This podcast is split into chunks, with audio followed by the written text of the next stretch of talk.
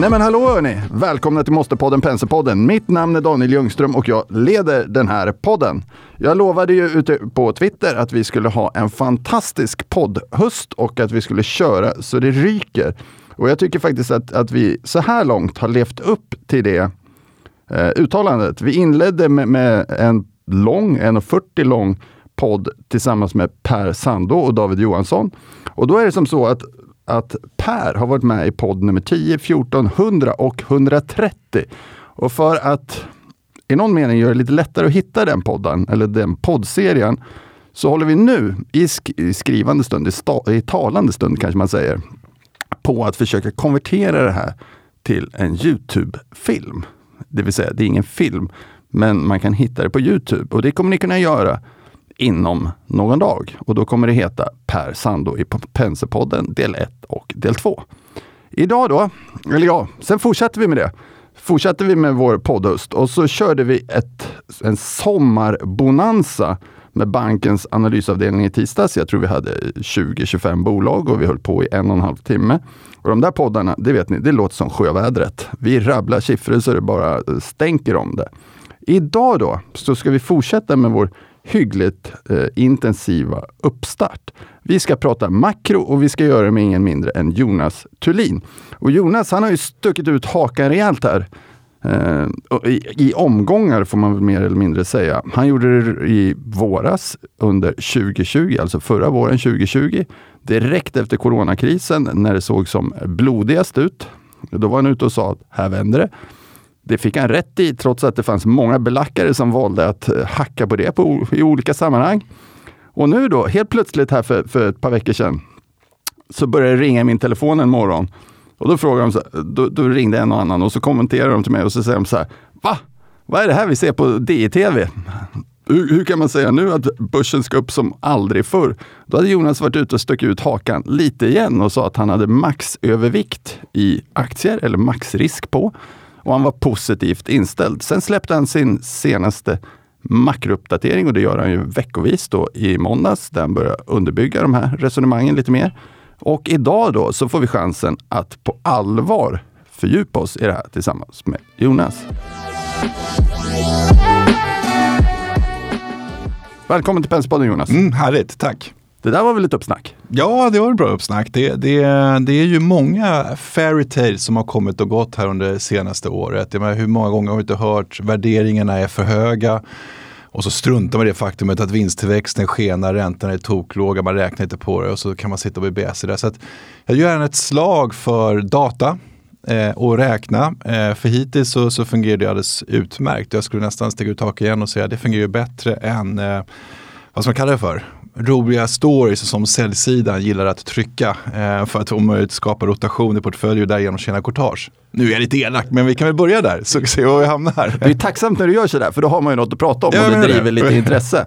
Jag har också här på morgonkvisten, klockan är nu 10 och det är torsdagen den 26 augusti tror jag faktiskt att det är va? Det är 26 augusti. Ja, det tror jag. Eh, ställt en fråga på Twitter och, och helt enkelt eh, slängt ut här att eh, man, man får man får ställa frågor till Jonas över Twitter.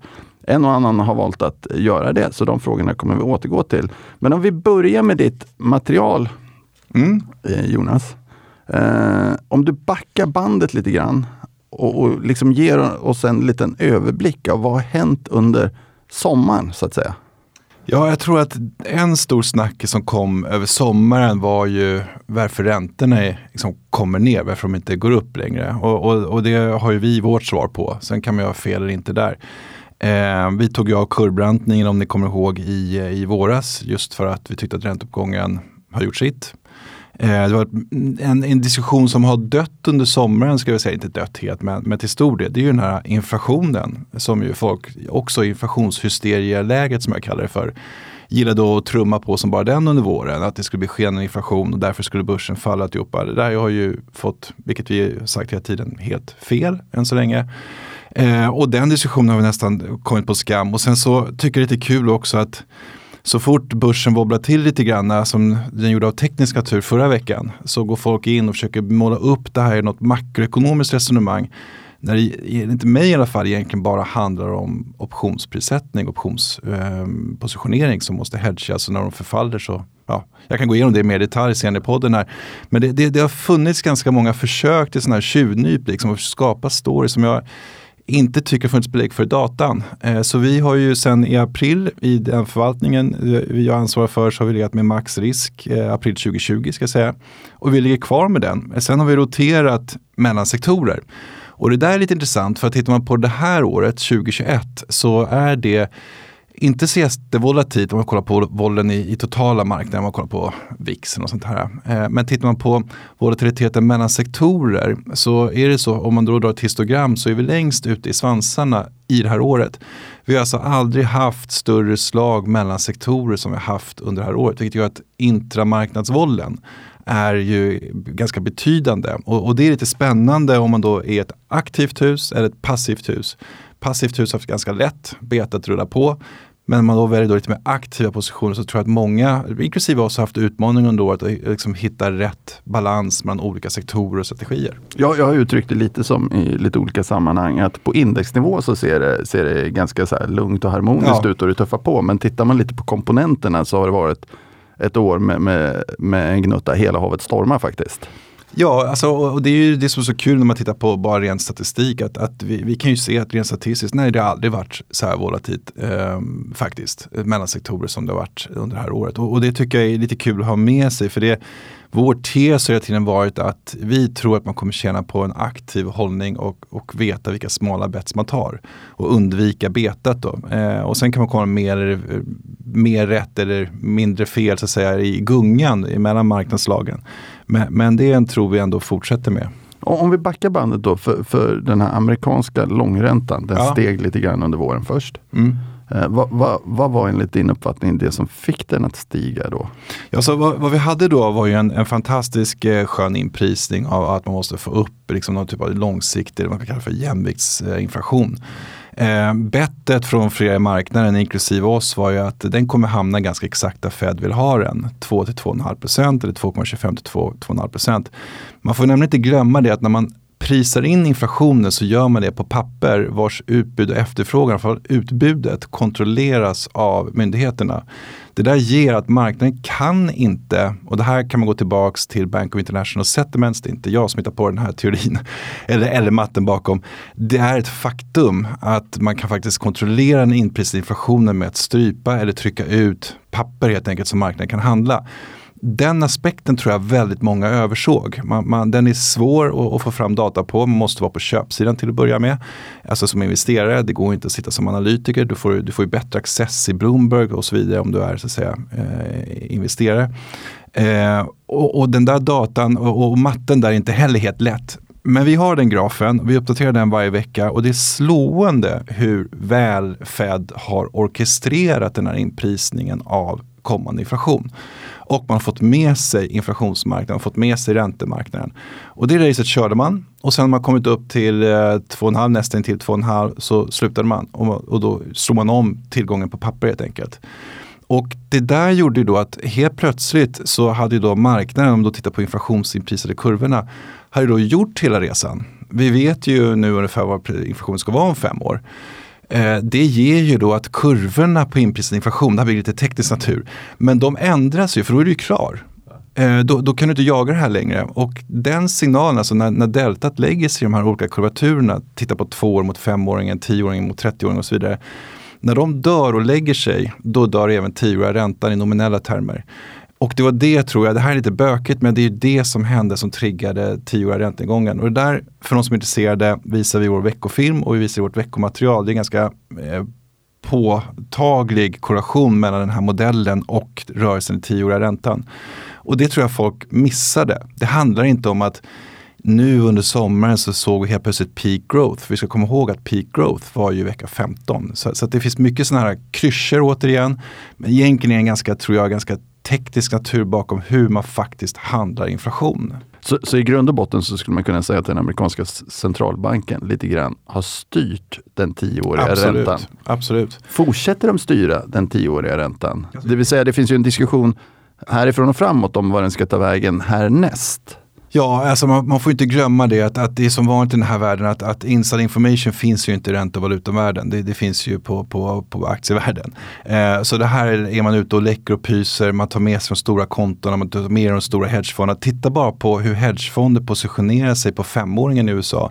Där man gick på med rekordlånga positioner helt plötsligt. Precis när alla satt och reviderade upp sina prognoser för tio år alltihopa. Det, det där visar ju att man har en extrem kontrast här tycker jag mellan hur marknaden på köpsidan positionerar sig och agerar och hur man försöker liksom förklara det här lite mer från, från med, med då, för affär då med lite sämre information från typ av säljsida eller, eller mediehåll då som är svårt att hänga med i de här grejerna. Du som investerare då, för, för du ansvarar ändå för, för en ganska hygglig summa pengar som du investerar.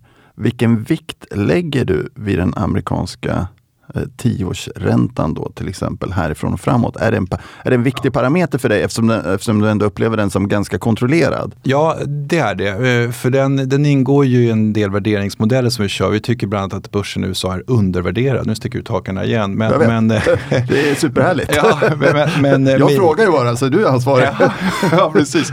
Det, det, jag är ju fall guy här helt och hållet. Men, men, men så ska det vara. Det, det är ju så att givet vinsttillväxten som vi ser framför oss, den måste man modellera leverera rätt. Det är ett stort, eh, liksom, den måste man pricka. Plus att då lägga på tioårig ränta, kan ta nuvarande kursen exempel, eller ränteläget. Och så kan man köra olika Fed-värderingsmodeller. Det finns ett par, tre, fyra stycken som jag tycker är bra. Eh, det är svårt att inte komma till slutsatsen att det är undervärderad börs. Och under våren här så var den ju fair. Så att det här att det ska vara övervärderad börs, det såg aldrig vi riktigt. Det är klart, tittar du på P-talet spot liksom nu, som baseras då på vinsterna för 3-6 månader sedan, ja då kan det se ut att P-talet ligger högt. Men det är ju ingen investerare som tittar på historiska vinster och det, vi ska ju prisa in framtida vinster. Och, och, det där tycker jag är en sån här grej som är, är, är, är ibland lite svår att kommunicera. Att, att det spelar Alltså, jag vet hur många grafer som skickas runt med det här höga P-talet. Det är ju om man ska vara helt klarspråkig, tycker jag, lite skitsamma. Det var ju vad vi handlade på för tre till sex månader sedan. Nu måste vi se framåt. Och, och, det där blir svårt för då måste du pricka vinsttillväxten. Men om tycker man det är bökigt så skulle jag rekommendera att man bara tittar på men vad, de som får betalt för att göra prognoser. Inte liksom konsensus utan de som faktiskt livnär sig på att göra vinstprognoser. Eh, så, och då finns det service och, och, analyser av dem. De står Fed för.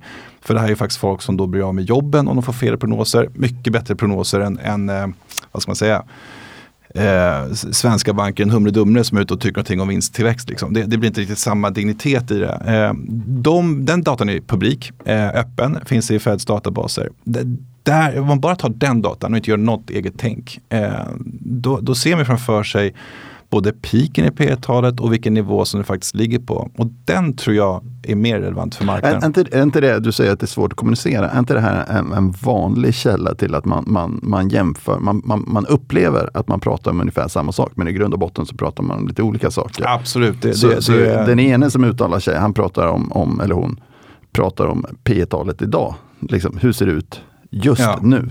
När du talar om P-talet så pratar du om baserat på en estimerad vinstprognos.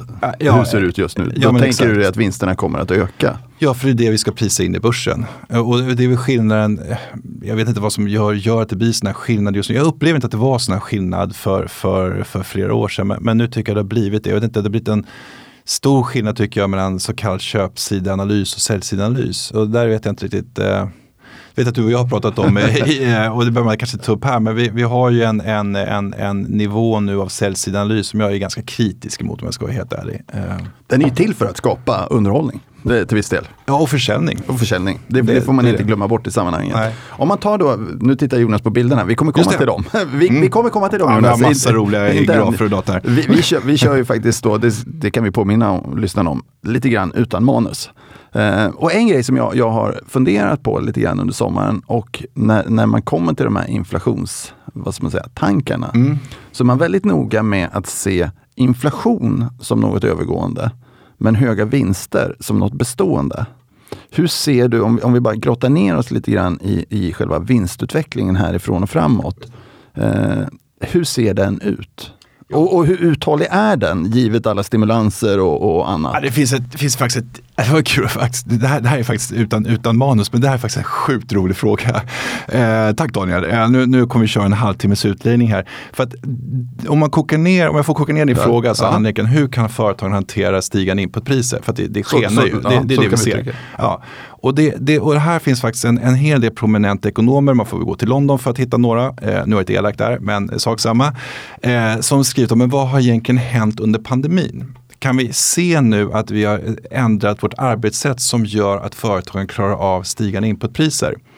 Och ska man då nörda ner sig i det här, vilket jag, jag, jag gillar att göra, så, så, finns det massa roliga teoretiska koncept. Eh, det, det är totalfaktorprioritet eller multifaktorprioritet, beroende på vilken skola man, man pratar om, är en nyckel här. Vad det innebär helt enkelt är att för att öka vår vinst, öka vår försäljning och, att, och, och, och ska säga, social tillväxt alltihopa, så kan vi öka andelen eh, arbetare. Släng in mer, mer kött och blod helt enkelt. Vi kan ösa på med kapital. Eller, vilket ju är, det är så att säga, the holy grail, vi blir smartare eller vi blir effektivare, vi blir bättre. Lyckas vi med det, då kan vi också svälja inputpriserna för vi blir så pass mycket bättre att jobba. Kostnaden för produktionen faller lite grann? Ja, eh, och, och marginalerna går upp, vinsterna går upp. Och du kan då bibehålla vinster trots att inputpriserna kommer för du blir så pass mycket effektivare. Och det där kan man tycka låter som mambo jumbo men det, det här är, är en, är en eh, fantastisk teori som, som, som jag sa då har flera namn vilket ju brukar bli så när, när akademiker bråkar. Men man kan kalla det för totalfaktorproduktivitet eller TFP som ju då är, är, man kan räkna fram hur stor är den här biten. Och det här, det här är faktiskt en graf jag hade med nu i, i måndag som vi vill se och då kan man då nörda till lite grann och säga att ja, men om den nu ska vara så beskriven för vinsterna då skulle den leda börsen. Och sen 50-talet så är det här en av de bästa indikatorerna för att förutse börsen. Det svåra det är ju att få ut den här totalfaktorprioriteten ur, ur datan eh, och där måste man ju räkna lite grann. Det finns om man nu gillar att gå in, jag tror att det till och med finns några ekvationer för på, på Wikipedia, men skitsamma, det, det är en ganska standard eh, teori trots allt. Eh, men får man fram datan så kan man liksom bara modellera den. Så då, och då kan vi se det som just nu sker i ekonomin, eh, nu alltså 2021, Q3 här. Det är att vi, vi får en ganska bra språngbräda på att vi blir ganska mycket, vi har blivit mycket mer effektivare på att locka ut värde ur arbetarna, om man nu ska prata liksom, nationalekonomiska resonemang. Det där ger då att inputpriserna som kommer att jagas oss i andra änden absorberas. Eh, och, och, det är klart att det inte absorberas av alla sektorer, det absorberas inte av alla företag, men tillräckligt många så, så att börsen ska trumma på. Steady Freddy lite grann som man skulle kunna kalla det för. Och det här, är, det här är ganska kul resonemang, långt svar på frågan, men, men det här tar även Bloomberg upp, har börjat skriva en del artiklar om det här. Så att det börjar bli en, en eh, tema som ligger i sin, sin nystan här lite grann. Men, men det, det börjar dra sig det här för att folk börjar inse att vi jobbar ju annorlunda. Eh, och någonstans borde vi kunna mäta effektiviteten av att folk jobbar eh, flexiblare, kanske blir lite gladare och blir, blir effektivare. Och det är precis det som, som händer och den effekten är så pass stor och, och viktig för vinsterna. Med, med, den saken då så kan man säga att, att du tror på en lite uthålligare vinst eller vinstutveckling egentligen trots lite högre inputpriser. Ja. Så, så blir produktionen lite billigare. Och med det så håller marginalerna uppe. Ja, och vi får inte heller glömma att stigande inflation är ju lika med stigande EPSer. Alltså att bryta den korrelationen, eller för den delen stigande inflation är lika med stigande börs. Att bryta den ekvationen och få ett negativt förhållande, då krävs det, eh, och där är vi inte alls nu, vi har kraftigt positiv korrelation med de här faktorerna. Och det är det jag har sagt några gånger i, i, i media, att jag tycker att hela resonemanget stigande inflation ska vara ett hot mot börsen. Ja, det kan väl vara om vi kan se det i data, men så länge korrelationen växer åt andra hållet, varför ta den positionen? För då går det ju rakt, stoppa upp huvudet framför tåget i stort sett. Eh, och, och, varför göra det när du bara ser datan? Och, och, att bryta den korrelationen, för det är väldigt teoretiskt belagt att, att ett, ett av de bästa inflationsskydden är ju börsen. Eh, att bryta den korrelationen, det finns ganska specifika. i och med att vi har eh, Iran gisslankrisen, oljekrisen på 70-talet. Eh, vi, vi, har, vi har Irakkriget 90-91 där.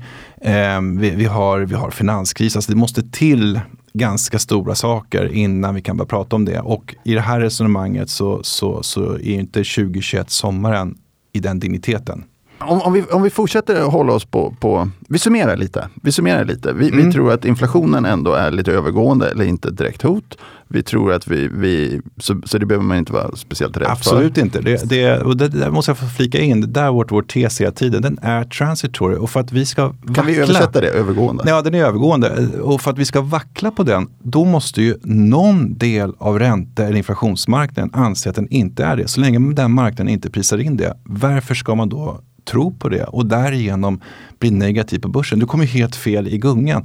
Jag ska säga så här, fine, eh, jag köper det när vi börjar prisa in det. Men så länge vi inte prisar in det, liksom, varför springa omkring med den sagan? Ja, och vinsterna är uthålliga, så du tror liksom att, att, eh, att eh, på samma sätt som inflationen inte är ett superhot så, så, så kommer vinsterna till viss del hålla i sig. Vilket gör att när man, när man värderar börsen idag baserat på framtida vinster, det vill säga nuvarande aktiekurser dividerat på framtida vinster, så tycker du att det ser ändå hyggligt eh, billigt ut. Så länge man på räntorna i den versionen så är det till och med undervärderad. Ja, Undervärderat. för att Eh, spetsa till det lite till. Här snackar vi ju rubriker. och, och tar vi sen då, tar vi sen då den amerikanska långräntan så är den också relativt eh, styrd av den amerikanska centralbanken. Så den behöver vi inte eh, vad ska man säga, fokusera på eller oroa oss så jättemycket för i varje fall. Nej, och, och som, jag, som jag visar också i, i våra grafer, det är ju inte rocket science att- att att få reda på. Jag menar, ta kurvlutningen i USA. Du behöver en tidsserie från USA för att förutse kurvlutningen med sex år. Den fungerar som en klocka och den tar också position på. Så, så just den utvecklingen är inte sådär jättebök att få ta på. Det skulle jag nog sticka ut hakan och, och, och hävda.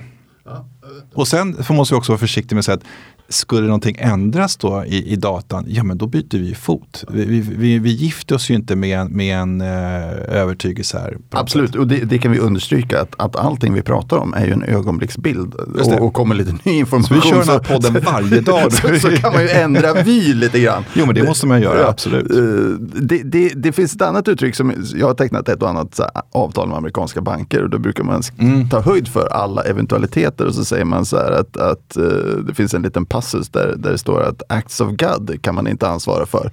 Och då tänker jag så här, nu har vi headshot oss rejält. Ja, precis. Definitionen av det blir ju vi, har täckt, vi har täckt in allt. Ja, vi har täckt in allt. På samma sätt när man har lyssnat på, på makroekonomer och massa uttalanden så, så pratar man nu delta-viruset. Mm. Eh, Jag, jag lyssnade på igår en del olika ekonomer eh, som, som prognostiserar liksom, tillväxt i Sverige och så vidare. Och hela tiden så, så avslutar man allting med att säga att, att eh, givet delta-varianten, det blir liksom hedgen för alla uttalanden. Ja. Hur ser du på coronakrisens utveckling just nu och de potentiella riskerna där? Alltså jag tycker det där, det där är ganska intressant. För, för det, om man tittar på deras rekommendationer så kan det ibland vara att ja, börsen kan nog gå bra nu för den har ju gått bra i år. Den kan vackla till lite grann för att deltat kan vara ett orostecken men det kommer nog gå bra på lång sikt. Då brukar jag fråga de bankerna, men kan jag då få en option som är lång, kort, lång? och det finns ju inte. Och, och det här är så här typiskt, när jag var researchchef för, för Nordea så, så förbjöd vi den här typen av prognoser. För det, blir, du, du, du, det går inte att sälja till att börja med för du kan, du kan inte strukturera produkter kring det här. Och, och nu är jag helt öppenhjärtig jag tycker att det är, är, är otroligt svagt. Jag tycker återigen, varför tittar vi inte på data? Om vi vet att spridningseffekten av delta, vi kan vara oroade och vi kan ta fram delstater i USA. Det finns ungefär 12 stycken som har accelererande delta. 40 har alltså inbromsning i deltat. Globalt så, så faller ju antalet eh, virus, eh, förlåt, eh, som, som är smittade med coronaviruset. Och det här är ju data. Så när man beskriver som förra veckan, nu wobblar börsen till på grund av, vad var det då? Det var peak growth, den hände ju vecka 15. Det är snarare så att titta på BNP just nu, att så har vi re reacceleration i, i USA. Eh, det är ingen peak growth nu att prata om med andra ord. Om man inte då tittar på BNP eller något annat, men det är ju ingen som förvaltar som tittar på, det är, det är ju så gammal information. Viruset, eh, det rullar ju över. Eh, ökningstakten procentuellt är stabil, till och med kommer ner lite grann. Tittar vi på reopening av ekonomierna, den fortsätter. Där får vi daglig mobilitetsdata från alla, stort sett alla länder. Vi kan titta på hur policymakers svarar på deltat. För att om jag ska få helt fel här, då ska de ju sätta ner foten igen och säga att hörni, vi stänger igen. Det gör man inte, man öppnar upp mer och mer och mer. Det där ger ju då att, att och, och vi ska då komma ihåg att sentimentet på börsen steg under förra veckan. Eh, och, och, det där tycker jag blir en härlig mix av att, ja, men vad är det egentligen nu som händer? Och, och tittar man lite grann och gräver och pratar med, med eh, framförallt kanske hedgefonder och annat så, så inser man att okay, vi, har, vi har ett stort optionsförfall som är på torsdagen förra veckan. Det är fjärde månaden i rad som marknaden går ner måndag, tisdag, onsdag, torsdag ungefär för att sen flippa tillbaks på fredagen. Så vår tes var ju här att göra en omallokering för att ta nytta av den här studsen som skulle komma på fredagen in på måndagen. Och vad vi egentligen pratar om är att, att folk sitter med market makers har ställt ut gamla positioner och så måste du hedga dem med att köpa underliggande aktiemarknaden. Och de gamla positionerna förfaller, vilket var förra torsdagen. Det var rekordstora sådana positioner. Så för fjärde månaden i rad upprepar vi det här handelsmönstret. Det, det innebär ju också att folk kortar börsen förra veckan för att bara ta nytta av det här för att sen flippa på fredag. För alla vet att det här är det fjärde gången det kan hända. Det, det känns som ett safe bet. Då blir det ganska konstigt att ta den här, det som händer i, återigen jag blir alltid så här tudelad, när man ser vad som händer i optionsmarknaden och, och på köpsidorna och så slänger man på någon, någon, någon luddig delta-diskussion och ingen data kring det utan det är bara en oro som ger uttryck för. Ja visst, vi kan alla vara oroliga men herregud, folk har varit oroliga liksom, hur länge som helst men du får ju tokfel om du ska handla på det på börsen. Eh, så, så, det tycker jag också är så intressant framförallt när vi ser att sentimentet stiger bland, bland, bland investerare. Eh, så, så det, det, eh, jag tycker förra veckan var så otroligt eh, symbolisk för, för det här året egentligen. Och jag vet att vårt veckobrev har fått ganska stor uppmärksamhet och folk får gärna läsa det och vi lägger ut det publikt. Eh, just den här att ja, men, om det bara var gamma, då kan vi ju lägga undan. eller så får någon då bevisa eh, liksom i, i, någon typ av data att mobilitetsdatan sjunker eller, eller att man införs tydligare restriktioner eller att vad ska vi hitta på? Eh, att, att, att, alla de här BNP-modellerna som nu kommer dagligdags eh, kraschar och någonting annat. Men, men, det gör de ju inte. Om, man, om man tar då, då, då kan vi lägga delta eller coronakrisen eh, lite åt sidan också. Och, och, där har vi väl då att, att eh, de stora frågorna. Lite grann så kan man säga så här, min erfarenhet är så här, det har gått upp ganska bra på börsen. Har det gått upp mycket på börsen så är det roligare att prata om riskerna än, än fortsatt uppsida. Det är tacksamt, man har skrivit mycket liksom, positiva artiklar. Tittar du någonting på, på artiklar och, och sådana saker? Inte ett smack. Inte ett smack? Uh, nej, alltså jag tycker, jag tycker att det är... jag, jag, jag, jag tänker med statistik över hur mycket artiklar som skrivs om ja, olika jo, saker. Förlåt, absolut, det, det gör vi. Och, och, och, där, där gillar vi fortfarande att konstatera det faktumet att om vi då mäter mäter oron på, på börsen exempelvis och så mäter man oron som skrivs så är det ju så att vi fortfarande har, nu kommer den ner hela tiden, mycket eh, pikade ju med, med Trump eh, och, och, och valet för, förra året. Um, men det är fortfarande så att vi, vi har en, en extrem eh, tilt i, i media mot oro och, och, pessimism jämfört med vad som är inprisat och vad som uttrycks för, för i marknaden.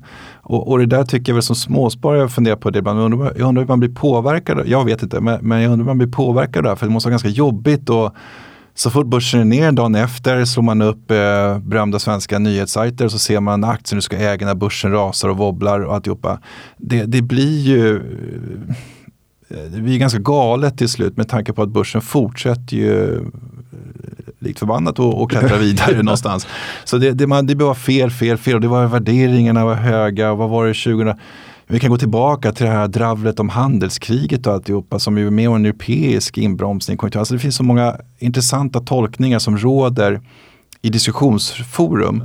Men inte finns belägg för data och där får man bestämma sig för. Eh, jag säger inte att det ena behöver vara bättre än andra. Jag har ju min naturliga förkärlek till data förvisso. Men man kan ju lika väl säkert vara framgångsrik och, och, och, och trada på vad man ser och hör. Men, men äh, jag, jag skulle inte göra det. Jag, jag, jag, kan berätta min erfarenhet på det här området. Och det är ju att, att det finns otroligt mycket information och informationskällor och så vidare. Eh, och min erfarenhet är ju definitivt att välja att begränsa sig. Så, så, man väljer samma källor upprepade gånger och inte byter källor hela tiden. För då är man till sist väldigt, väldigt uppsnurrad. Eh, ja. Och det, det, är lätt att ryckas med. Om vi tar då den, den kanske sista stora, jättestora frågan som, mm. som är i omlopp just nu så är det ju Idag är det torsdag, idag är det Jackson Hole va? Ja, det börjar, imorgon så blir jag dra igång med, med Powells tal. Och, och vi, vi pratar ju om vad, vad, kallar vi det, nedtrappningar av stöd efter corona. Just det. Eh, det är väl den sista jätte pucken vi har att eh, diskutera. Nej, jag tycker nog vi kan slänga in några till. Jag har, jag har en, jag har en, jag har en, jag har en, en puck till som jag vill slänga in och det är fiskala stimulanser. Men Jackson Hole är, är ju intressant för, för, för, det har ju varit det forumet. Det, det är Kansas, det är en ort eh, som, som eh, eh förlåt, inte i Kansas, det är ju Wyoming. En ort som heter Jackson Hole där man brukar samla liksom eliten av centralbanker. Tomternas julafton skulle man kalla det för. Eh, där de sitter, men det är, eh, eh, oavsett allt teoretiskt och allt sånt där som jag tycker är lite kul i och för sig, så brukar man också använda Jackson Hole och man har gjort det för att signalera större omsvängningar av penningpolitiken. Därför blir det naturligt intresse och, och, kring och, det, och det kan man ju säga, det, det, är, det, det, har varit en sån här punkt under många år ja, som, som absolut, man samlar absolut. upp lite fokus kring. Ja, nu är den digital för övrigt. Nu är den digital ja, så det blir ganska tråkigt. Jag tror att Powers tar det på fredag kväll klockan åtta. Eh, då är det som jag brukar säga, då är popcorn och, och, och, och familjen får vara tyst. För nu, nu pratar Powell. Eh, vi har fler än en tv-apparat kan jag säga. Bara, så det, jag orkar inte med mig. Men, men, men, det där, men jag tycker Eh, att hela Jackson Hole, eh, det att, att man ska dra ner stödköpen från Fed, det är väl ganska, de signalerat väldigt tydligt. Eh, att de ska börja med det framåt kanske slutet av året och sen trappa ner. Det, det, det är ju ganska vedertaget. Slutpunkten, det är nog det som är intressantast. Inte när de börjar, för, för det tror jag att de har diskuterat klart och är ganska överens om. Men det är hur länge kommer man som göra den här liksom, tapering då, eller dra ner stödköpen. För att det tolkar marknaden som att det som kommer att hända efter det blir en räntehöjning. Och den diskrepar, den så att säga, vad ska man säga för vägskälet eh, diskuteras ganska flitigt datummässigt och det ser ut att vara slutet av nästa år nu ungefär om man kollar på hur, hur marknaden prisar in det här. Men givet allt det här så får vi inte heller glömma att om man då tittar lite grann hur ser marknaden på det här? Så tittar på volatiliteter så tycker man att Jackson Hole är ganska blö, tråkigt. Vi vet ungefär redan vad han kommer säga. Vi tror oss veta vad han kommer säga. Det kommer inte bli någon jätterörelse av det hela. Eh, räntan gör nu ungefär vad den alltid brukar göra när vi går in i, går in i, i, i de här Jackson Hole. Det som däremot fångar marknadens intresse nu det är det tyska valet. Där har vi nästan dubbelt så hög vol i, i valutor som vi har inför Jackson Hole. Och där känner man en oro och där ser man också att de här som gillar att spekulera i euro breakup, det har vi inte pratat om på väldigt länge. Har börjat, det finns börjat, bara en första sida på tidningen. ja, de, de, har börjat liksom eh, låga nivåer men man ser ändå liksom att det blir en acceleration i den typen av positioner som ju fortfarande förekommer för att det finns många som inte tror att det här är en optimal valutaunion och alltihopa, vilket jag kan hålla med om från ett teoretiskt perspektiv, men det är en annan diskussion. Eh, men, men, det ger ju att, att eh, som jag sa i måndags, jag tror det kan bli sån här blö. Det blir liksom en, ja, det, han säger ungefär det man tror han ska säga. Han kommer säga att tillväxten går bra, deltat är en oro, de kanske måste justera upp och ner, jidjade, men de planerar ändå att fortsätta med att diskutera tapering. Att vi ska få någon chock, eh, sell-off i tioåriga räntan som knäcker börsen, Nej, eh, dessutom så måste den sell-offen vara så pass djup med tanke på var räntan ligger idag så, så att det, det, det, krävs alldeles för mycket. Så vi går in i det här med eh, samma position som vi har haft. Vi har ökat upp vår, vår dollarposition på sistone. Eh, men det är mer på grund av att vi har tätt, och det är faktiskt också någonting man skulle kunna prata om att när man härleder vad som handlar, eh, vad, vad handlar vi kronor på? Det är en sån här klassisk fråga, vad är det som driver kronan? eh, och, flöden brukar jag tänka. Ja, det, det, är flöden och det finns faktiskt jätte, för er som har tillgång i Bloomberg kan jag, kan jag rekommendera, det finns faktiskt funktioner nu i Bloomberg där du egentligen bara kan skriva in vad du vill förstå och så räknar den ut vad all världens dator som driver den här valutan. Eh, eh, och, lite AI nästan. Ja, lite AI. Ehm, och, och det, det, är, det är faktiskt ganska bra funktioner och det som har skett nu, vilket jag också visar en bild på i, i måndags, det är att vi gjort ett jättelappkast med, med våra klassiska längdskidor i längdspåren till att köra på räntor eh, istället för att köra på risk och, och börs. Och det där talar ju bara enkom för dollarns favör och då har vi fått den här eh, rörelsen i kronan också. Eh, och den tror vi kommer fortsätta lite grann oavsett Jackson Hole faktiskt. Så du tror på en stärkt dollar? Ja, det har vi ju trott på sedan årsskiftet 17-18. Då låg vi på 7,85 och det är faktiskt en vy som vi har haft längst i, i våra böcker. Vi håller kvar vid den. Eh, vi drar upp och ner ibland och nu senast så i, i årsskiftet så ökar vi för att sen nu under sommaren faktiskt öka igen. När vi såg i datan att, att vi flippade det här ah, börsen går bra, risk-on, kronan tjänar på det till att helt plötsligt så, så bet inte det och helt plötsligt började kronan handla med, med liksom forwards i, i, i, i räntevärlden och det gillar ju vi för då, då kan vi ju tjäna pengar, då får vi ett ryck och då fick vi en liksom, plopp upp i, i dollar SEK också. Om, om, vi, om vi då går vidare. Du, du vill också prata finanspolitik och det kan vi absolut göra. Men jag, jag, tror kanske vi har betat av en del av de här stora puckarna som ändå ligger och gnager när man funderar på börs ja. upp eller börs ner. Om vi tar finanspolitik då? Ja, alltså det där tycker jag är lite kul. Eh, för det, det snackas ju oftast, nu är vi bortom eh, stimulansernas peak och alltihopa. Och, och, och det där tycker jag är lite, lite kul att reflektera över. För att den här veckan så kickar ju EUs 800 miljarder euro-program igång med, med att stödja ekonomierna för, för, efter pandemin. Det har jag inte läst någonstans om, men det är 800 miljarder euro som nu kommer börja ramla ut till de länder som har sökt och fått beviljat att få lån för att stödja sina ekonomier och utveckla mot en typ av clean energy och allt, allt det här. De flödena är ju högst intressanta att försöka pricka in i, i börsen. Så, och det tycker jag är en sån här sak det är ganska mycket pengar. Eh, trots att det är EUs hela fiskala paket som nu är live. Det är en slant. Det är en slant. Eh, sen har vi kineserna som är ute och säger att eh, de, de eh, jag vet att det pratas mycket om den här kreditimpulsindikatorn för Kina. Det tycker jag är en lite för förenklad version. Men, men de är ute nu också i veckan och säger att de kommer öka eh, kreditstimulansen, alltså belåningen och ge lån och likviditet till marknaden. Ett tips där är att kolla på repofaciliteter, hur man skjuter det från likviditet, för den, den styr börsen väldigt mycket. Men det sista då, det är ju den här 3,5 triljoner dollarna som, som eh, representanthuset har, har röstat igenom.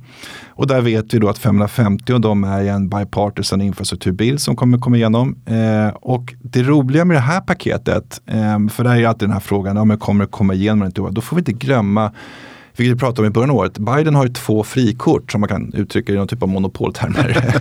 att, att, eh, eftersom Trump, Trump utnyttjar inte det här, eh, vilket ju är, är anmärkningsvärt. Och då skjuts ett av de här korten upp. Det innebär att två gånger kan han lägga fram budgetar där han inte behöver eh, 60 röster i senaten. Det räcker med en enkel majoritet. Det här ger ju att det här paketet som nu då har gått igenom också representanthuset ska nu skrivas in i lagar. Det kommer klart i september. Sen kommer han vara ganska snabb på att få igenom det här i och med att det här kortet försvinner. I, i, i eh, det går ut så att säga vid, vid årsskiftet. Det här ger ju då att USA under hösten här eh, och ja, det är under flera år ska vi säga, kommer då addera ungefär 15,5 ganska exakt procent av sin BNP igen. Eh, ytterligare ett sånt här enormt fiskalt paket som vi måste ta in i, i börsen.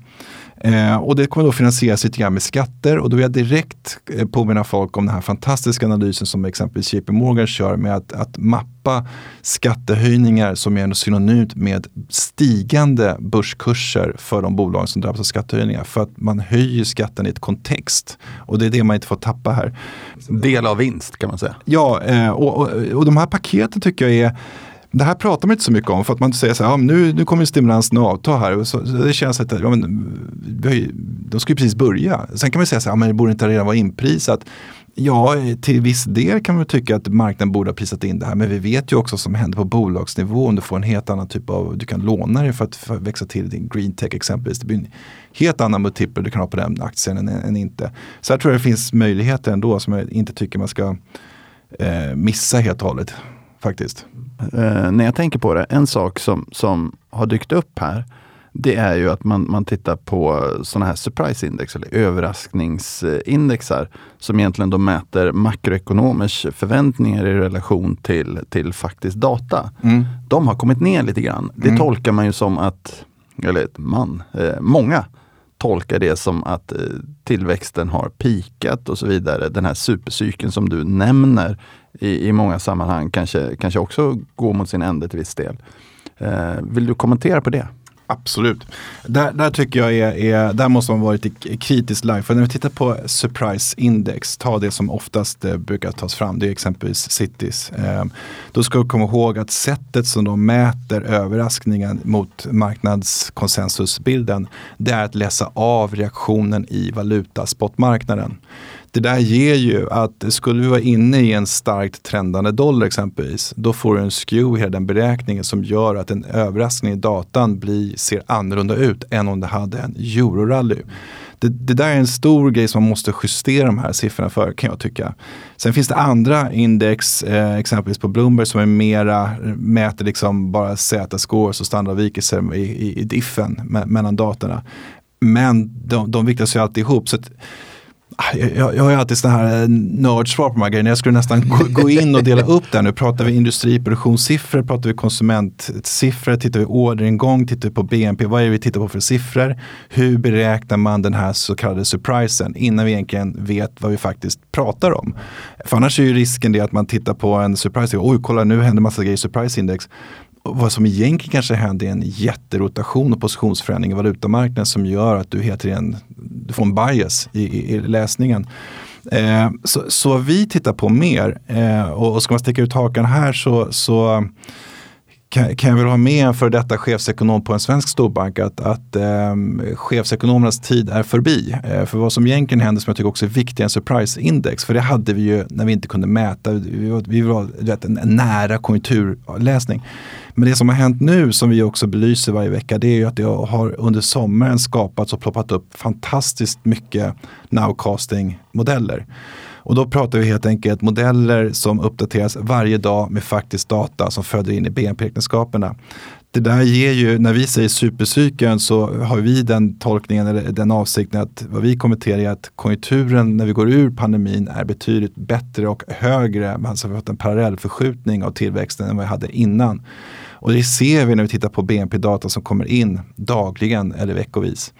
Och sen så ska man då ha, ha tungan rätt i mun här för att det finns ju då som alla vet 12 exempelvis regionala Fed-kontor. Eh, tre av dem har sina egna nowcasting-modeller på grund av att de symboliserar olika delar av ekonomin. Jag tänkte på det Jonas, du är lite nördig. Det är faktiskt inte säkert att alla vet det. ja, precis. Så ser ni, så ser ni en lång nördig brillsmurf, då, då, är, då är det jag. Eh, nej, men det, det, det, det, är ganska intressant, för tittar man då på Feds eh, modeller så är de självklart eh, liksom IT och alltihopa. Och, och, och de har många, de, de heter till och med det, så det är liksom ingen rocket science där. Kollar man på, på St. Louis eller Atlanta eh, så, så, får man ju liksom andra typer av, av rostbältes, lite andra industrier som de bevakar. Men det fina är när man kombinerar de här så kan vi nu alltså få BNP-prognoser som uppdateras varje dag. Det hade vi inte för ett halvår sedan. För, för ett år sedan då hade vi BNP-modeller som uppdaterades varje månad. Så att här har det hänt jättemycket. Den datan eh, driver börsen mycket mer än surprise-index. Så jag skulle nästan, om jag nu ska sticka ut hakan här lite grann igen då, säga att jag tror att surprise-index klarar inte av att påverka marknaden så mycket mer. För ett så följer den ju, eller skapas av marknaden själv så det blir lite autokorrelation där. Eh, nummer två är att det finns annan data nu som har tagit över eh, den här vikten. Och då måste man in i, eh, och här har ni OECD har utvecklat ganska roliga sådana här eh, nowcasting-modeller eh, också. Och det är lite grann det som är, är name of the game och det eh, driver marknaderna. Så, så, så, så med det sagt så, så kan man säga att vi behöver inte fundera supermycket på de här surprise-indexerna. Något mer?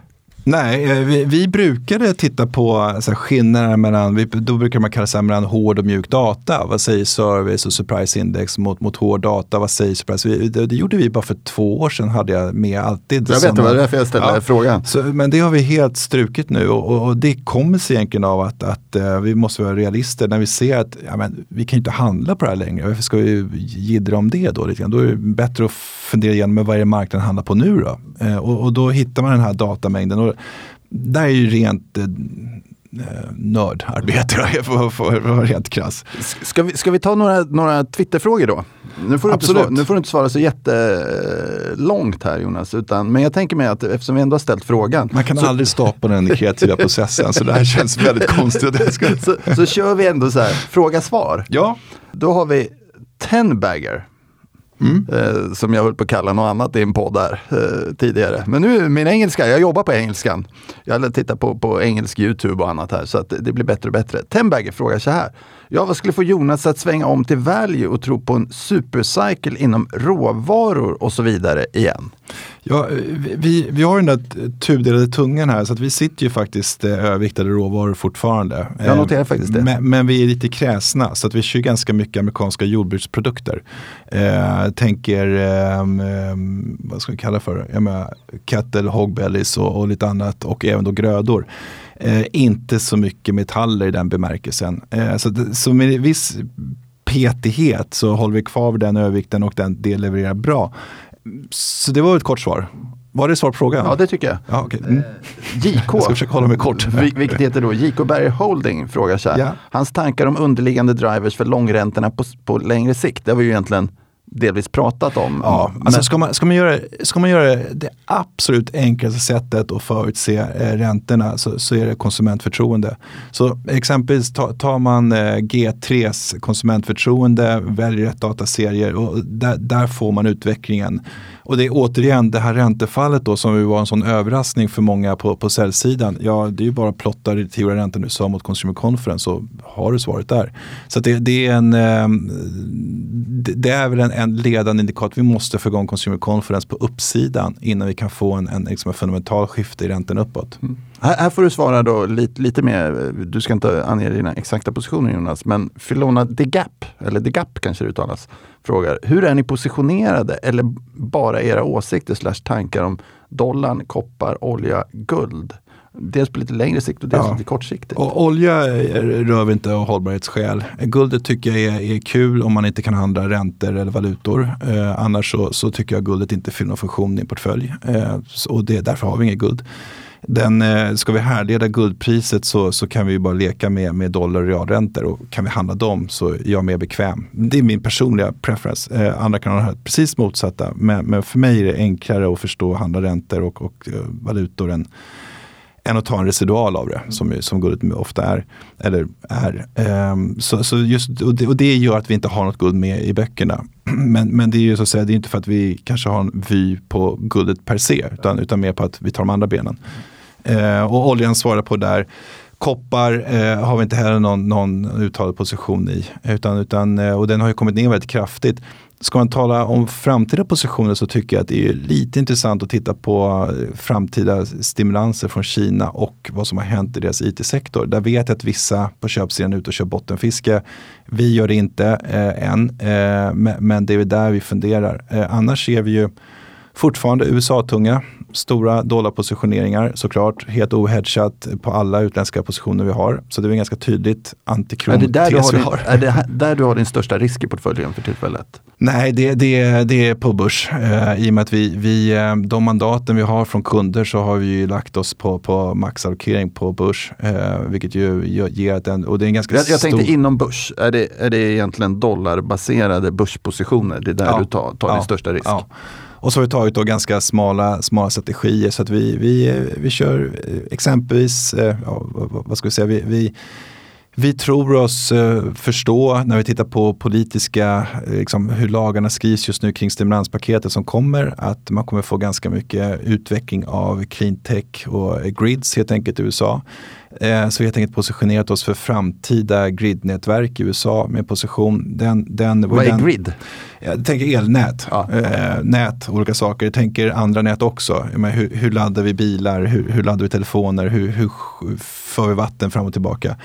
Och där finns det ganska mycket bolag nu i USA som utvecklar eh, den här typen av, av infrastruktur extremt miljömässigt korrekt. Och det borde vara en vinnare i det här paketet. Det var faktiskt den positionen vi rullade in i för studsen förra fredagen. För att få lite så här schysst. Bettet var ju då att få en skön start på positionen. Nu, nu funkar det den här gången. Eh, men, men, det är så, så, nu bara sitter jag och svamlar här, men, men, men, vi håller kvar vid väldigt detaljerade bets inom, inom börs. Och, och tar vi då, då har vi inte så många fler Twitterfrågor vill jag säga. Om, om vi går vidare då och tar ett ämne som du faktiskt har brunnit eller brinner mycket för. Det är ju hållbarhetsfrågan. Mm. Eh, kan du ge oss en, en uppdatering om både, både hur det har utvecklats, eh, vad ska man säga, på börsen. Mm. Och hur ser regelverkets utrullning ut? Den här taxonomin vi pratar om. Ja, Eller precis. pratade väldigt mycket om i våras. Ja. Det är inte jättemånga som pratar om det på samma sätt just nu. Nej, eh, alltså, hållbarhetsportföljerna för oss är de på aktiemarknaden som gått absolut bäst. Eh, där ligger vi kanske en 6-7% före världsindex. Så, så det, det är de har gått som, som tåget i år. Vår, vår fond där exempelvis Sustainable Impact som jag förvaltar har ju, eh, nu kommer jag faktiskt inte ihåg siffran, jag tror att den avkastar 26-27% i år. Den går fantastiskt bra. Det är ett enormt sug efter de här bolagen som ligger och, och eh, klarar av den negativa screenen men också bidrar mest positivt till samhället. Och det är väldigt kul att se eh, att, det, att det går. Och, och, det, och det, det roliga där också att det är att man märker att det finns en hel del, vad ska man kalla det för, bolag som har varit gamla och trötta men har liksom sagt att ah, vi ska bli bäst inom vår nisch inom hållbarhet. Eh, och, och, och de, där, där får man lite en evolutionär resa som är ganska kul att vara med på. Vi har flera innehav i vår portfölj som har gjort 80 i år. Det är en fantastiska uppgångar. Jag önskar vi bara hade haft de bolagen. men, men, eh, men det är ju, eh, så där, där händer mycket. När det gäller taxonomin och alltihopa så, så eh, har ju alla lugnat ner sig lite grann. För nu har man ju skjutit upp det. Det är en ganska komplex sak som kommer. Eh, och sen så man har insett det att ja, men det här man hade för tajt tidsschema så man skjuter upp det hela. Och sen så försöker man då få in förutom miljömässiga saker även sociala och ägaraspekter i taxonomin. Men jag vill redan här eh, poängtera det som vi också diskuterar i industrin, att man får inte glömma det att taxonomin när den kommer ut säger bara att du har x procent av fonden jobbar mot eh, taxonomins mål. Eh, det säger ingenting om hållbarheten. Hållbarheten definieras ju på ett helt annat sätt i, av FI exempelvis eh, och av industrin. Så vi kommer ha den här ganska sköna världen och att du kommer ha fonder som är jättehög procent i taxonomin men inte alls är hållbara. Eh, de kan till och med innehålla barnarbete, de kan innehålla massa, massa kontroverser. Men de, följer, alltså de uppfyller taxonomin. Och det där är en sån här sak som jag tror att många i industrin sitter och kliar sig i huvudet på. Hur ska man rent liksom, marknadsföringsmässigt klara av att diskutera med kunderna att ja, den här fonden har låg procentsats i taxonomin men det är en av världens hållbaraste fonder exempelvis. Det blir en utmaning med att förstå vad är egentligen taxonomin gör. Sen är ju det ett första steg, så det är positivt. Men det kommer ta tid och nu har man skjutit upp det ett år. Nästa år ska vi ju bland annat vi då tala om hur, hur stor del, eller hur, eh, om bolagen så att säga är huvudtaget skårade utefter taxonomin. Inte skåret, men är de skårade eller inte? Eh, så det, där, det, det, tar enorm tid det här tycker, tycker jag. Vilket ju kanske är positivt. Det, det gör att det är lättare att anpassa sig till det. För det, det var tajt ja. tidsschema från början när man läste igenom det regelverket. Var det var tajt. Jag tror att många fick en, en, en skrämselhicka när man insåg vad som krävdes av, av jag, vet, jag tror att vi alla som har suttit med, med fondsparande barn har fått diverse brev från storbanker att vi döper om de här fonderna, vi kallar dem inte hållbara längre, vi kan ha för någonting annat. För det ordet för nu helt plötsligt med sig ett regulatoriskt krav. Vilket jag tycker är väldigt positivt. Um, för att allting kunde varit hållbart förut. Så, det är ju såklart positivt. Um, och jag kan tycka att det är tråkigt att det tar, tar lite längre tid. Men å andra sidan så, så får ju, får, kan vi fokusera på annat. Gräva i annan ja, data. Och kan man inte säga då att den, den bakomliggande strategin eh, kring den här taxonomin och annat.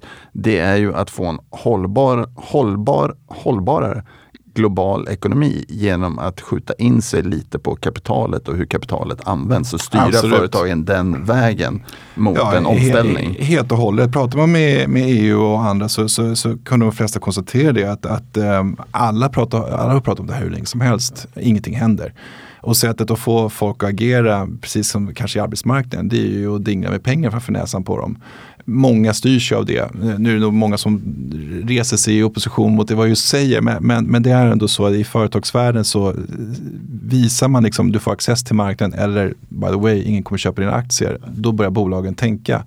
Och det är väl lite krasst uttryckt då, det är väl den reptilhjärnan man har lyckats väcka här, vilket ja. är positivt. Ja, och det, det, är ju samma sak på kreditsidan där man säger att man, ja. man ska se över hållbarheten i de krediterna man ger. Absolut. Och de som är beroende av krediter bör då fundera på sin hållbarhets Ja, absolut. Och där upplever jag många små och mellanstora bolag som vi har dialog med att, att eh, en del är helt med på banan och tycker att det är naturligt. Det här är, liksom, det är en del av affärsfilosofin. Liksom, Medan en del andra kan till och med bli lite irriterade när man pratar om liksom hur de har tänkt det här. Men, men lite grann också det krassa verkligheten för de bolag jag pratar med mig att ja, vi kommer aldrig kunna köpa era aktier. Punkt.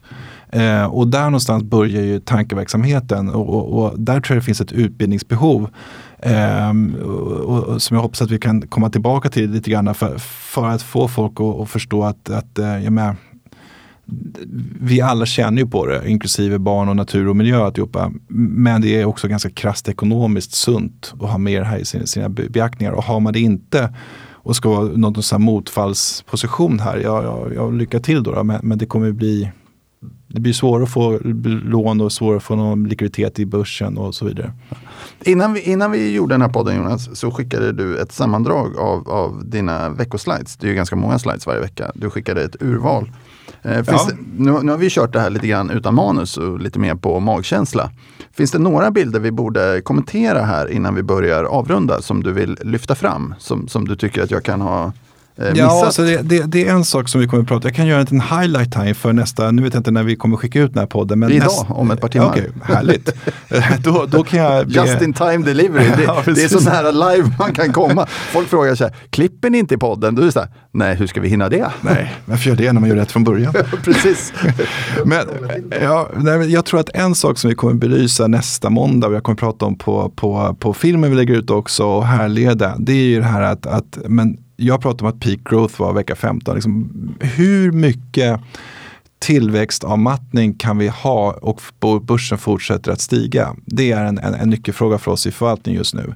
Eh, och den, tänkte jag, den har jag härlett och har ett svar på och tänkte visa på måndag så att vi kan följa nu, inte varje dag men varje vecka med ny data. Är det läge nu att dra oss undan börsen eller är fortfarande, vad ska man kalla det för, liksom andra derivat, den fallande tillväxttakten fortfarande gynnsam för, för börsen? Det är en nyckelfråga för hösten tror jag. Eh, och den eh, kommer vi presentera på, på måndag. Och jag kan ju då för att gå lite händelserna i förväg säga att det ser fortfarande bra ut. Jag, jag som har varit din chef länge Jonas, eh, kan konstatera att de gångerna det väcks lite frågor om din analys så handlar det många gånger om, om hur du använder data och hur du pratar om data. Och nu använder du ett ord som heter andra derivatan.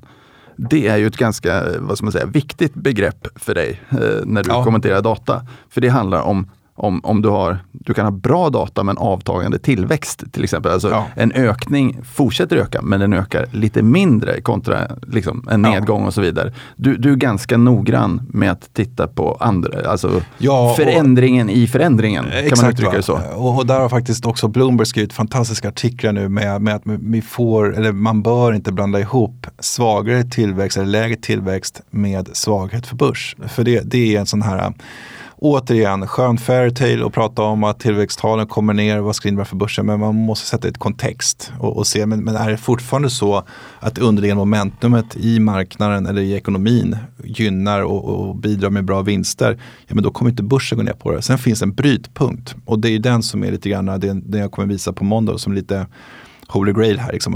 När går vi igenom brytpunkten? Och, och, kan vi liksom kvantifiera den och testa den bakåt och se att men här vet vi att när x antal indikatorer på den, under den här nivån, då kommer vi dra ner aktierisken. Eh, så, så det, det, är ju eh, och, och, och, och, för att sammanfatta det lite grann ja. så kan man säga att det är ofta där det blir, vi, vi pratade om, om eh, när du pratar börsvärdering till exempel ja. tidigare. Det är också här man kan hamna lite, i lite olika läger bara för man inte talar samma språk när man kommenterar lite olika aspekter av ekonomisk data. Och då kan man väl säga ja, att må många väljer att titta på det i absoluta tal, upp eller ner. Och du tittar ja. på det på, på nivå två, eh, vad ska man ja, säga, upp i så fall, hur mycket upp? Så att säga. Nej, men ta, ta en sån sak som, nu försöker jag, nu försöker jag läsa på, på min graf men jag kan inte se års, åren här under. Men det finns du förstår väldigt... varför vi inte använder dem?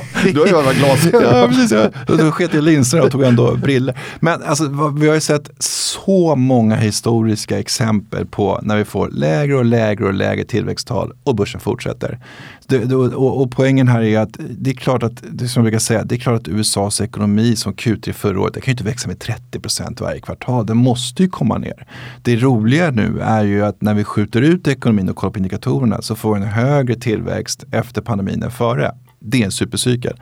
Det är mycket, mycket viktigare än att tillväxttalen kommer ner från 30 till 10 procent. För men det är ju fortfarande astronomiska siffror vi pratar om. Så jag tycker, ibland tycker jag den här peak growth, den, den, den, äh, det, det, det, är så enkelt och nästan lite blasé att säga. Utan, utan titta på att ja, ett så skedde den i, i, i nowcasting och Feds alla modeller vecka 15. Det är en ganska gammal peak vi pratar om. Varför ska den nu störta börsen? Det, det är väldigt svårt att härleda det på något sätt i data. Och nummer två, eh, det är ju det att, att, att, det är inte så att vi ramlar ner med negativ tillväxt. Det är ju som oftast det ett bra tecken på att börsen kan få problem. Så, så det, här, det här är, är ja, jag kan faktiskt, om jag ska konkretisera det här så har vi en recessionsrisk i USA nu som prisad genom räntemarknaden på exakt 7,9 procent. 7,9 procent är den tredje lägsta risken sedan 1970. Så att det, just nu är det ju inte läge att kliva av börsen skulle jag vilja säga. Trots Jackson Hole och tyska val och kommande franska val och midterms och alltihopa. Och om jag ska försöka konkretisera vad vi har sagt i podden så, så, så drar jag mig till minnes att vi har, så, så drar jag mig till minnes att vi har sagt att vi behöver inte vara superoroliga för, för den amerikanska räntan. Den är hyggligt kontrollerad av den amerikanska, eller ja. den långa räntan. Den är hyggligt kontrollerad av eh, centralbankerna. Vi behöver inte vara superoroliga för Jackson Hole och vad man säger där. Det kommer inte vara dramatik på, på det sättet. Värderingarna, inflationen behöver vi inte oroa oss för supermycket i dagsläget givet vad vi har för data just nu. Då. Eh, vinsterna kommer vara lite uthålliga. Du tycker att vi har haft en produktivitetsförbättring får man väl kalla det då under, ja. under, under de sista två åren snart. Ehm, så, så det kommer hålla i. Vi kommer ha en tillväxt som är högre going forward än vad vi haft historiskt också, vilket talar för, för börsen. Du ser framför dig att vi har en, en dollarförstärkning eh, kom, framåt. Eh, kan jag ha missat någonting så här långt? Nej, utan man kan till och med vända allt det här och, och, säga att man bör vara orolig om man inte har rätt risk i sina portföljer utifrån sina egna personliga förutsättningar. Eh, och jag tror att det är därför jag kan bli lite frustrerad ibland när man, när man ser all de här, den här pessimismen hela tiden. Att, ja, det är klart, hade du lagt dig i en mindre risk än vad du kanske egentligen vill ha på grund av allt som jiddras om alla, alla fairytales som pågår. Då skulle jag nog kanske vara lite mer oroad över liksom, varför ligger du med den allokeringen? Eh, du har haft fel i ett och ett halvt år. Eh, räcker inte nu?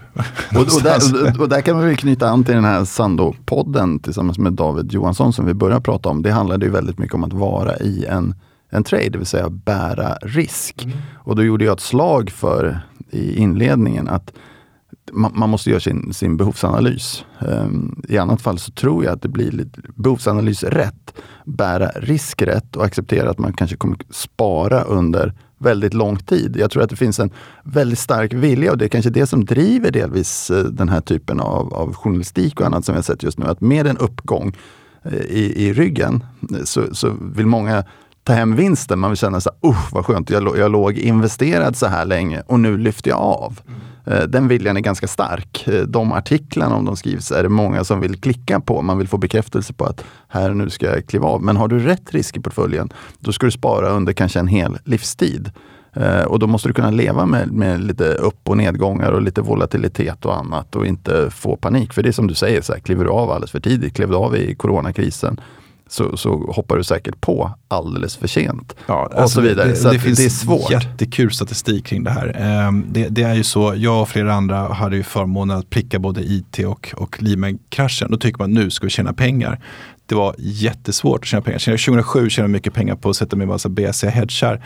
Men när det väl smäller så är det betydligt svårare att tjäna pengar.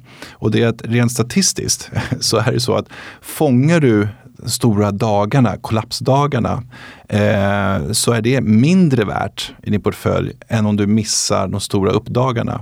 Med andra ord, det finns en, en naturlig bias i, i marknaden att du måste alltid vara investerad för att du får mer stryk av att missa uppsidan än vad du tjänar om du så att säga prickar krisen rätt eller kommer ur marknaden rätt. Det är mindre värt så att säga. Och, och det där är ju ren statistik för jag tycker också det, det blir lite tokigt när vi hela tiden pratar nedsidor. För det är ju faktiskt mindre värt eh, för oss förvaltare än uppsidor. Och jag, jag, jag, det skulle vara kul någon gång om man kunde få en, en, en, en jämvikt där man läser lika mycket om liksom vilka möjligheter ger de här stimulanspaketen som nu kommer i Europa. Det står inte en rad om det idag i, tidningen exempelvis. Det är 800 miljarder som kommer ut, euro. Eh, det, det, är väldigt mycket kronor som kommer komma ut i Europas ekonomi. Eh, eller med, med Bidens paket, det första man ja, det här kan bli problem att få igenom. Ja, men det, det är det ju inte eftersom man har ett frikort så det måste man förstå först. Men sen är det ju 3,5 triljon till som ska in i, i ekonomin. Det är ju 16 procent av USAs ekonomi blåser upp. Kina är ute nu i veckan och pratar om att de ska öka kreditstimulanserna.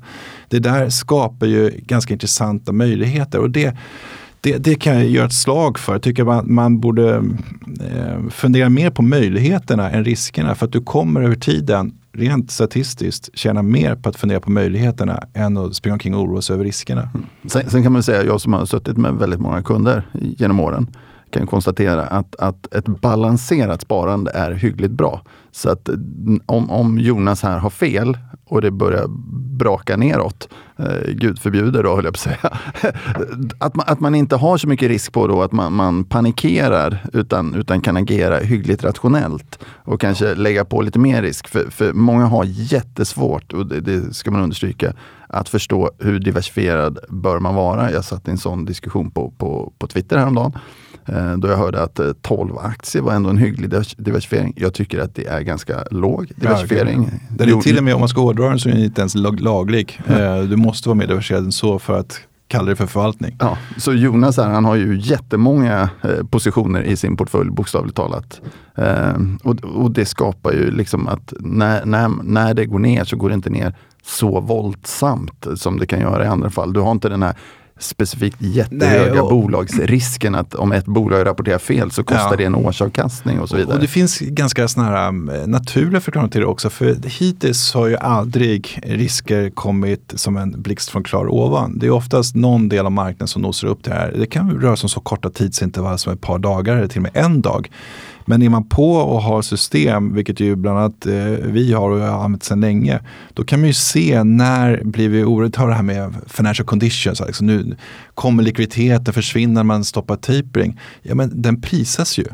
Eh, den likviditeten prisas eh, varje, varje sekund. Eh, så kan vi titta på om det är så att det blir mindre, eller ont om likviditeten inte. Och så länge det inte är det så kommer man inte oroa sig. Men blir det det, då måste man ta det till sig och ha instrument som hanterar det.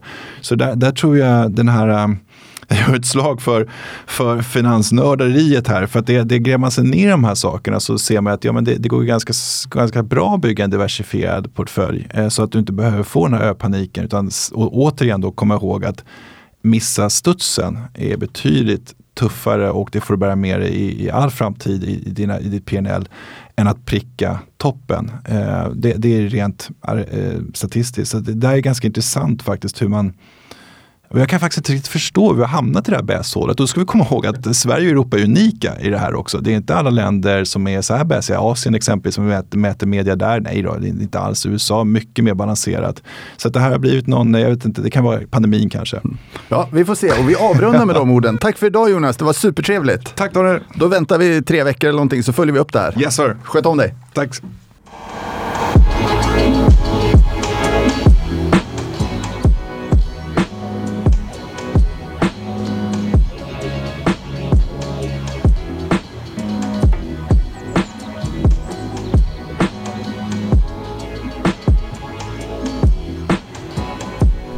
Denna podcast är utgiven av Erik Penser Bank och är avsedd att marknadsföra bankens tjänster. Vissa bolag som nämns kan därmed ha något samarbete med banken i form av fondförvaltning, analystjänster, certified advisor-uppdrag med mera. För mer information om dessa tjänster, fondförvaltning och även bankens hantering av eventuella intressekonflikter vänligen se bankens hemsida www.penser.se.